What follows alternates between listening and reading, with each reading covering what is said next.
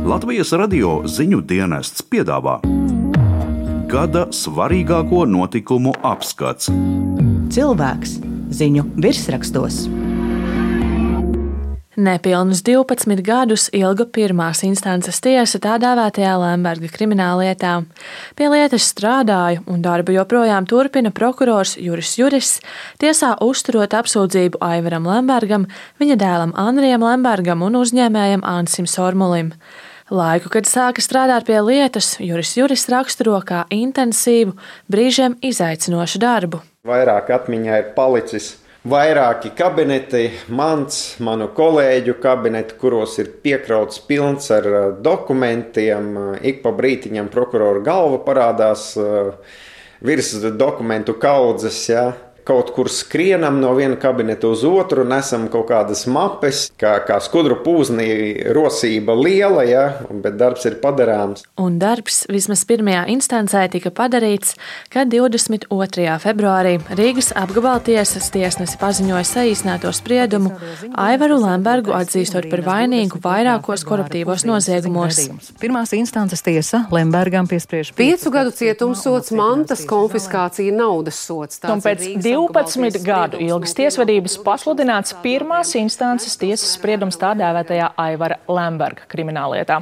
Kad tiesa paziņoja saīsināto spriedumu, prokurors izjuta daļēju atvieglojumu. Pa brīžiem sagurums ilgstošajā procesā, protams, bija radies. Ja? Un tu katru reizi centies pārvarēt to punktu, ja uzņemoties jaunu, saka, enerģiju, jaunas domas. Rezultāts sākotnēji nevarēja šķist nemaz paredzams, un arī uzsākoties tiesvedībai tās prognozes mainījās no gada uz gadu, kad varētu pabeigties lietas skatīšana, es domāju. Jurists atgādina, ka sākotnēji prokuratūra uz tiesu sūtīja divus kriminālu procesus, kurus tiesa apvienoja. Līdz ar to krietni pieauga lietas apjoms. Un tad valsts apsūdzības uzturētājiem bija skaidrs, ka sākotnējās prognozes par tiesas procesa garumu atkal nepiepildīsies. Tu it kā domā, nu tagad tas pierādījums ir pārbaudīts, tā kā liksim tam punktu, izrādās tas skrējiens turpinās šajā nogriezienī, un atkal tev ir nedaudz jāpieliek solis. Kopš 2009. gada pirmās instances tiesā tika nozīmēts gandrīz pusotrs tūkstotis tiesas sēžu, taču teju puse dažādu iemeslu dēļ nenotika. Uz jautājumu, vai iztiesāšanas laikā nereizi neradās šaubas, ka process reiz beigsies, prokurors atbild noliedzoši. Tomēr bez sarežģījumiem neiztika. Tāpat uz procesa virzītājiem tika izdarīts spiediens, iesniedzot prasību pret prokuroriem. Ja tu esi ilgstoši zem noteikta veida spiediena, nu tas vai nu tevi stiprina, vai nu tevi salauž. Jūs jūtaties uh, stiprāks, nu, drīz vai salauzts.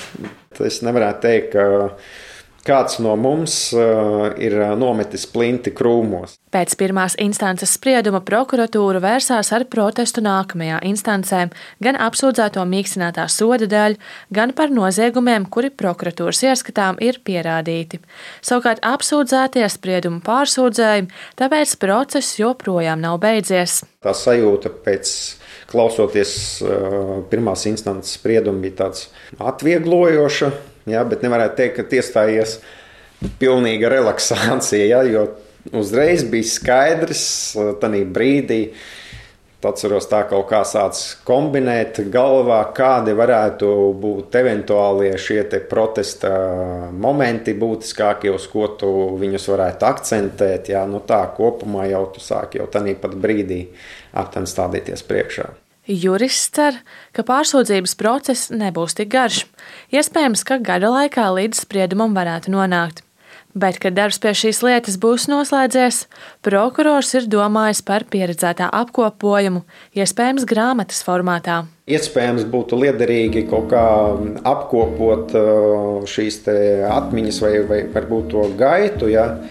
Priekšdarbi tam izdarīti, arī fiksēts, eh, arī pārdomas savos noteiktajos tajos posmos. Jā, varbūt kādreiz iespējams eh, tas būs interesanti arī citiem, tad var padomāt par to formātu.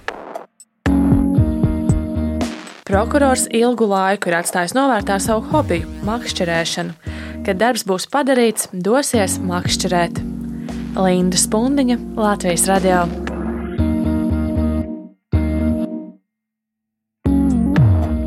Cilvēks ziņu virsrakstos.